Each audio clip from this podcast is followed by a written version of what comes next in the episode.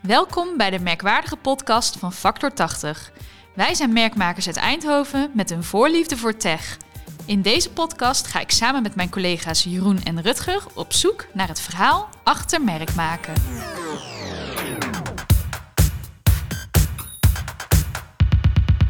Volgens mij zijn we er eh, in deze podcastserie wel achter waar we bij Factor 80 voor staan. Uh, wij maken merken, wij bouwen merken. Uh, we zorgen dat jij je merk kunt maken. Um, onderdeel daarvan is uh, aantrekkingskracht ontwikkelen, mensen fan maken van je merk. Uh, en mensen fan maken van je merk betekent ook dat er een soort wederkerigheid in zit. Dat je een aantrekkingskracht hebt op en dat je een samenwerking aangaat met. Dat betekent vertrouwen. En waar we natuurlijk de laatste tijd steeds vaker tegenaan lopen, data in het vak. Uh, en hoe zorg je ervoor dat je daar ook die wederkerigheid in krijgt dat we iets waardevols bieden aan de klant, dat hij daar ook iets voor terugkrijgt uh, en dat wij er uiteraard ook iets voor terugkrijgen. En dan bedoel ik wij, is ook jij als luisteraar en als marketeer in het vakgebied. Vandaag haken we Johan Maters aan, onze datamarketeer, onze dataspecialist. En ik ga vandaag het gesprek met hem aan.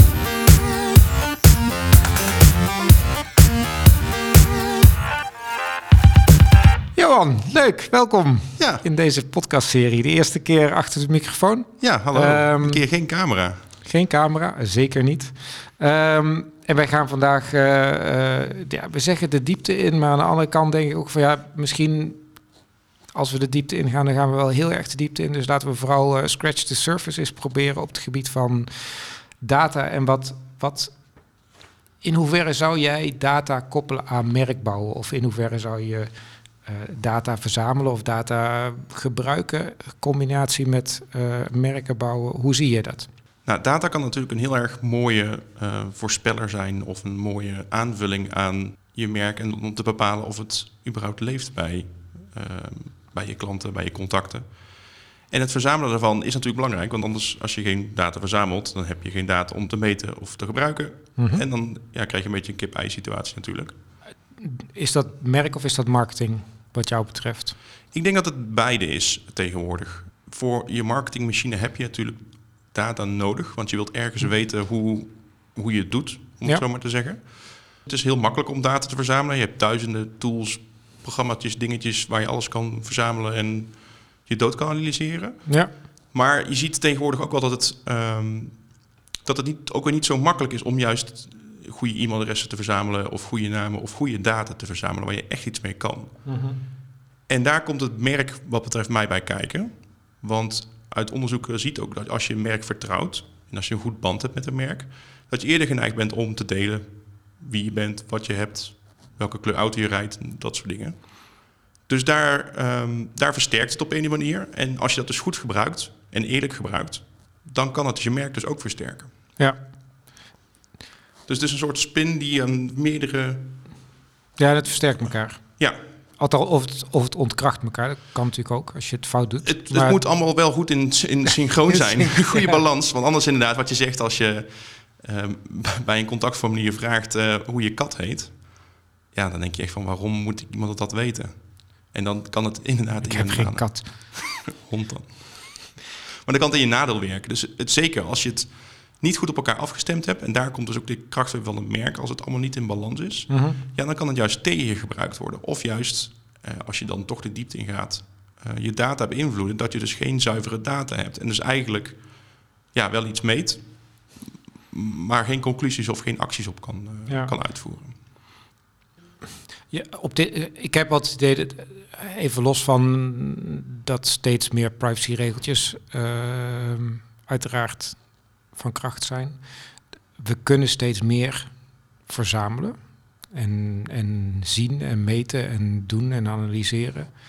Um, maar hoe zorg je er nou voor dat je, dat, dat je ook daadwerkelijk het juiste aan het doen bent? Ik, in, in het kader van don't overanalyze, maar hoe hoe zie je dat?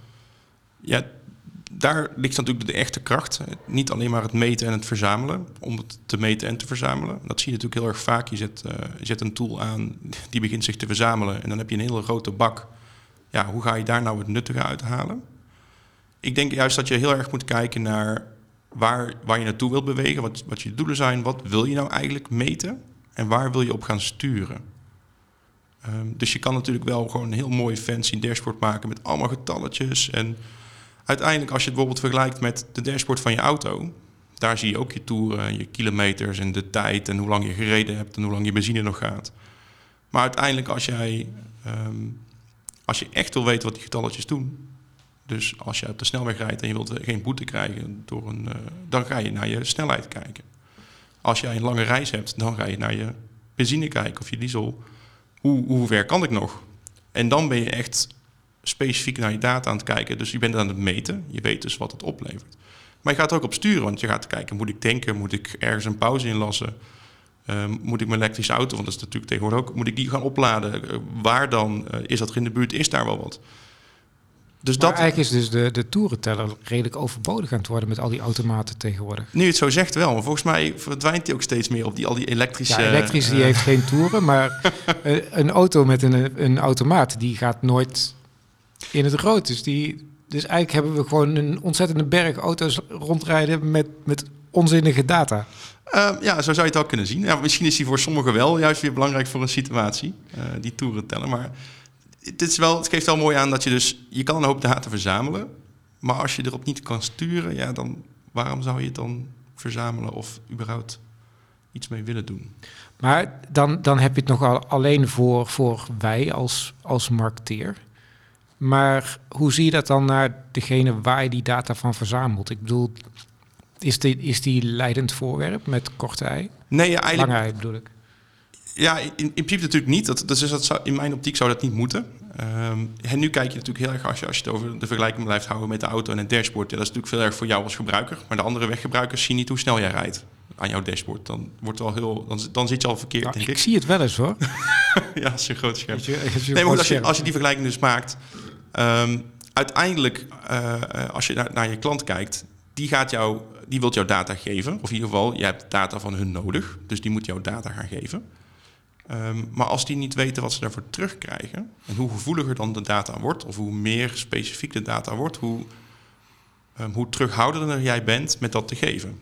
Bedoel, uh, je e-mail je naam, nou prima... Maar als je gaat vragen naar uh, bijvoorbeeld je auto, inderdaad, je, je, je kleur auto of waar die staat of waar jij je agenda of iets dergelijks, dan heb je daar al zoiets van wat gaan ze daarmee doen? Um, um, dan verwacht je er iets voor terug. En ik denk dat daar de kracht steeds meer gaat liggen in het, in het stukje merk versterken. Uh, maar ook in het stukje dat weer versterken met data. Dus ja, die balans waar we het in het begin over hadden. Als jij dat, dat vertrouwen opbouwt, um, iemand vertelt letterlijk wat je gaat doen, waar je het nodig hebt, maar ook wat hij ervoor terugkrijgt. Dus het is een soort wisselwerking. Hè. Ik geef jou iets, ik krijg er iets voor terug ja. van waarde. En je zou het bijvoorbeeld, hè, in onze business is dat vooral bijvoorbeeld, um, ik ben geïnteresseerd in, uh, in, in, in industrie of product A. Daar zou ik best wel informatie over weten, maar al die andere producten die je verkoopt of aanbiedt, daar heb ik helemaal niks mee. -hmm. um, dus je zegt van, ik ben geïnteresseerd in A. Dan, ga je, dan, dan weet je dat als bedrijf, kan je dat gebruiken om alleen maar informatie over A te sturen. En alles wat daarbij komt kijken. En dan verwacht je daar dus iets van terug, daar krijg je iets voor terug. En dat is natuurlijk op een heel laagdrempelige manier. Mm -hmm. Maar hoe specifiek je dan met data doet, dat verzamelt en daarnaar kijkt, um, geeft dat dus een soort stuk meerwaarde aan je klant. Um, dat vertrouwen wordt weer beter, je merk wordt weer sterker. En zo krijg je dat mooie, uh, mooie balansje. Hoe zou je dat dan op...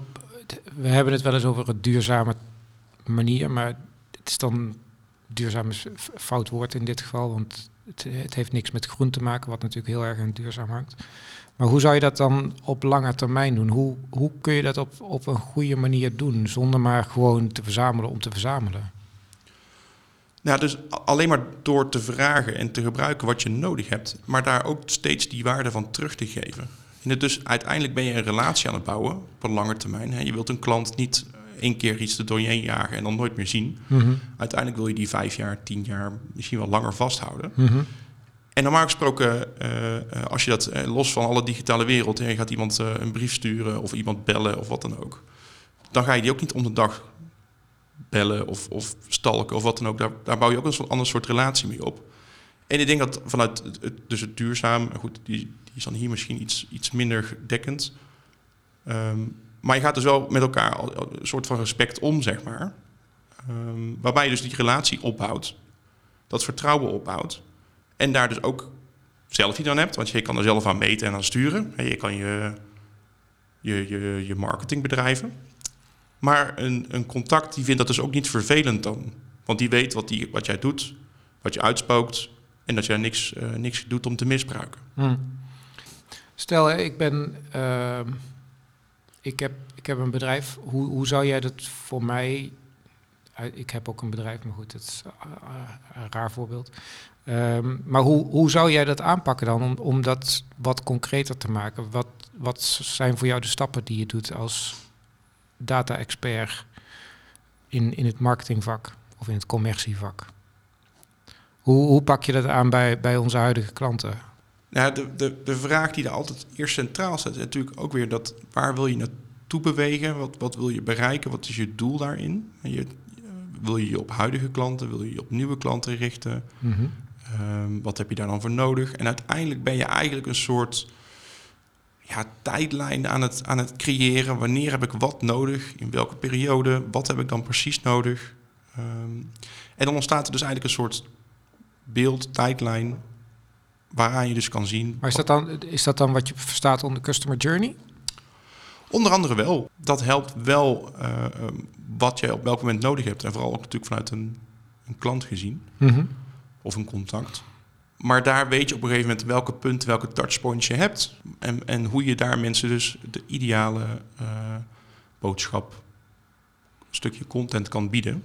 Maar hoe zou je dat dan vanuit datapunt aanpakken? Dus je hebt, je hebt je customer journey en wat heb je dan aan de andere kant nodig vanuit data? Even los van een, een apparaat om het in op te slaan. Of nou ja, dat is geen apparaat, maar een stuk software om het in op te slaan. Nou, uiteindelijk heb je natuurlijk ook, ook meetpunten nodig. Ehm, dus ergens waar je je thermometer in kan stoppen om te kijken hoe dat gaat, wat je nodig hebt.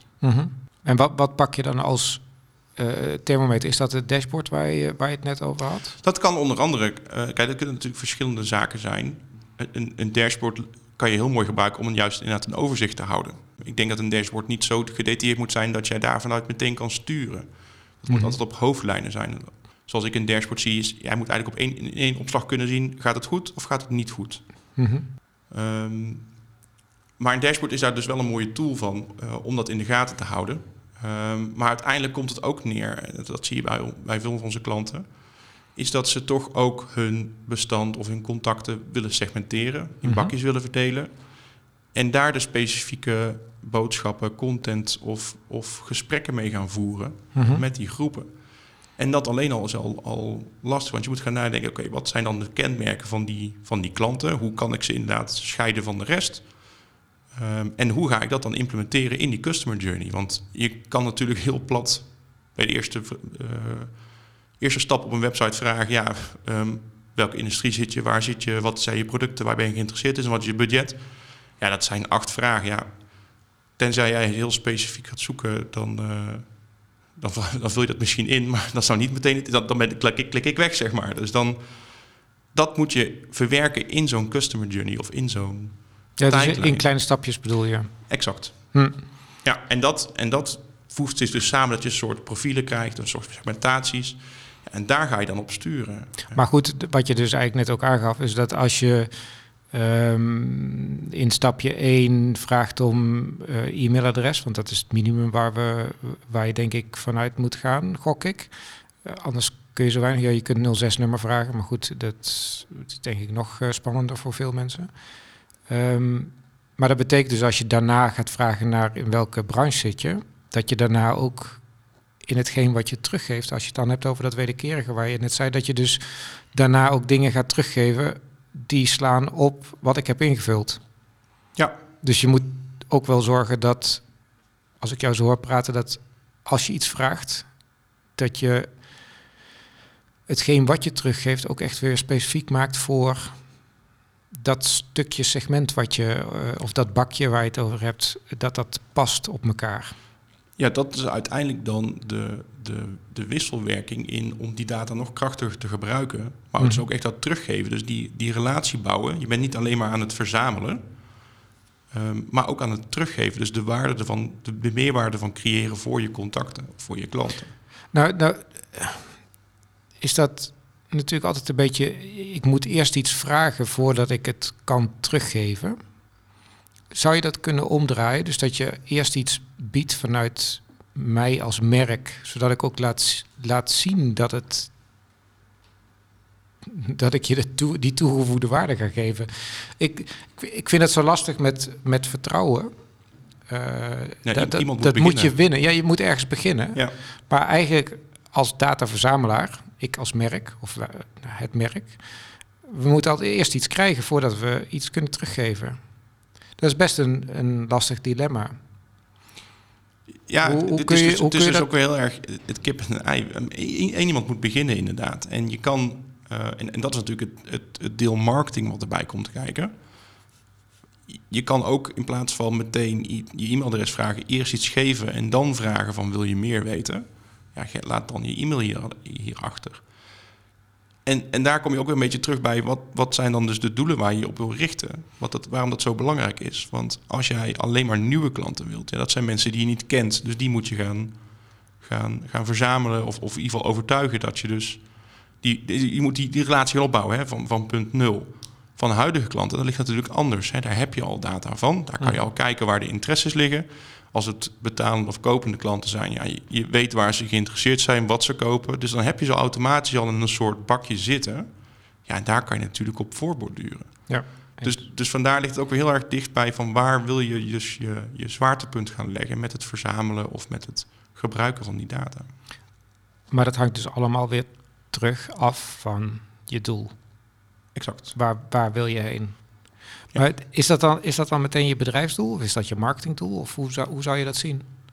Ik denk dat het een, een combinatie is. Ehm, om, omdat marketing en sales moeten echt moeten samenwerken. Mhm. Het is niet zo dat, dat in heel die customer journey of, of in een, in een lifecycle of in een proces dat het begindeel alleen maar eh, eh, bij marketing ligt en het einddeel bij sales. Dat is natuurlijk een beetje het, het beeld wat vaak geschetst wordt. Mhm. Ehm, maar die moeten daarin in, in samenwerken. En dus, het is eigenlijk denk ik beide. Het is een deel marketing.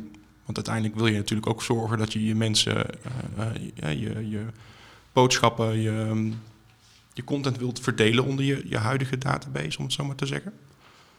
Aan de andere kant heb je natuurlijk ook gewoon een keiharde commerciedoelstelling. hè. Je moet zoveel euro omzet of je wilt zoveel nieuwe winst of een nieuwe eh, business binnenhalen. Je wilt misschien een hele nieuwe tak eh, eh, opzetten. Dus ik denk dat die doelstellingen samen liggen. En daarin moet je dus gaan kijken van oké, wat zijn dan... Hoe kan ik dat meten? Dus waar, waar creëer ik mijn meetpunten? Waar steek ik mijn thermometers in? En ehm, ja, als er dan ergens een alarmpje afgaat, daar ga ik op sturen. Als, als je hem dan weer terugkoppelt naar merk en, en ehm, hoe kun je je merk laten doorwerken in het data verzamelen? Hoe zie je dat? Dus de, ik bedoel, merk is dat stuk emotie en we hebben het al over vertrouwen gehad. Dat is dat, dat stukje wederkerig en, en, en waarmaken wat je belooft. Maar kun je dan eh, de- merk of archetype ook gebruiken, inzetten om dat stuk dataverzameling merkwaardig te maken? En zeker kan je dat, dat gebruiken, want dat, je, je communiceert natuurlijk op een bepaalde manier Mhm. vanuit een merk. Je gaat met een bepaalde manier met mensen om, of, of je wilt met bepaalde mensen omgaan. En dat zegt natuurlijk heel erg wat, wat je, je archetype is, hoe je, hoe je omgaat, hoe je in de wereld staat. Ja, dat, dat ligt dus ook heel erg met de data. En, en daar, ehm, dat is voor mij dan wel ook het verschil. Als je hem dan heel praktisch maakt, ja, geef ik eerst iets weg of moeten ze eerst wat geven?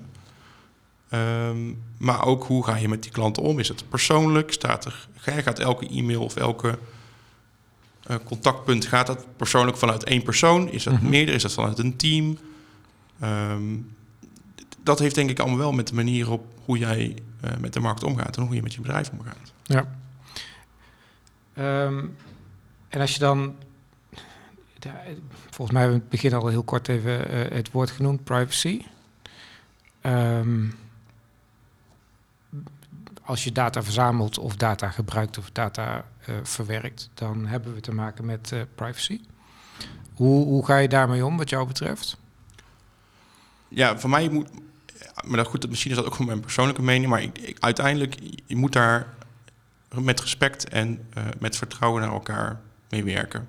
Um, en zeker tegenwoordig, je wordt echt wel afgestraft als jij gehackt wordt en je hebt dingen die je niet moet hebben. Of als je data verzamelt om het te verzamelen en uh, um, iemand weet dat niet of iets dergelijks. Je moet daar dus echt, ja, zoals je dat zegt, privacy by design, in ieder geval van het begin af aan moet je daar aan, aan meedenken. En niet het, ja, het is allemaal zo lastig, e-mails verzamelen en dan moet ik opt-ins en dubbel opt-in en het is allemaal lastig en ik zie mijn, mijn bereik verkleinen en dit en dat. Ja, dat heeft meer te maken met alleen maar een vinkje zetten, denk ik. Mhm. Uiteindelijk is het ook weer op dat vertrouwen dat jij je gegevens, dat je daar eerlijk mee omgaat, dat je dat goed opslaat, dat je het niet zo ergens op straat laat liggen.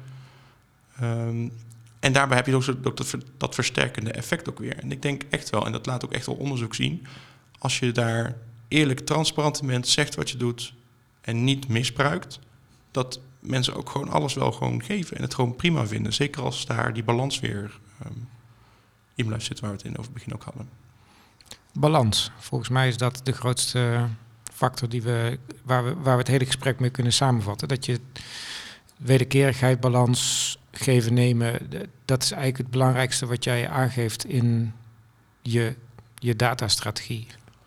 Kun, kunnen we dat zo heel plat samenvatten? Ja, ik denk dat ik er één, één ding aan toe wil voegen ook. En dat heeft ook natuurlijk met die balans te maken. Uiteindelijk ehm, ga je dus iets meten. Je wilt daar, dat wil je dingen wilt weten en daar wil je op sturen. En dat is ook weer die balans, want uiteindelijk ga je meten en ga je op sturen. Ja. Als je alleen maar gaat meten, ja, dan, dan is die vergelijking ook niet. Dus daar komt het woord balans ook weer terug. Ja. Dus je moet eerst meten en weten voordat je gaat sturen. En other, other way around. Als je wilt sturen, dan is het ook fijn om te weten wat je wilt meten. Ja, en daarmee dus ook een never-ending story. ja. Maar goed, dat, dat is natuurlijk wat we met een merkbouw ook aangeven. Uh, een merk bouwen is niet een keer een logootje ontwikkelen. Een merk bouwen is constant hard werken, zeker investeren. Um, volgens mij hebben we uh, echt nu eventjes de, de, wat ik al het begin zei, scratch the surface gedaan. Want volgens mij kunnen we op ieder, uh, ieder mini-onderwerpje of ieder deelonderwerp kunnen we heel erg de diepte ingaan. Um, het lijkt me ook wel interessant om eens van, van het publiek thuis of in de auto of lopend in het park te horen. Um, wat nou vanuit hun, vanuit jou dus, uh, de belangrijkste vraag is die je hebt rondom data en merkbouwen. Want dan zouden wij uh, daar een volgende keer nog eens uh, wat dieper op in kunnen gaan. volgens mij hebben we voldoende stof om, om over te kunnen vertellen. En nou, volgens mij hebben we ook voldoende onderbouwde mening om, om jullie daarbij verder te helpen. Dus laat het eventjes weten op podcast.factor80.nl op welk onderdeel van data jij ziet dat je verdieping nodig hebt, dan uh, gaan wij kijken of we uh, de volgende keer weer Johan achter deze microfoon gaan krijgen. Voor nu dankjewel voor je inzichten. Uh, en wij spreken elkaar een volgende keer weer. Dankjewel.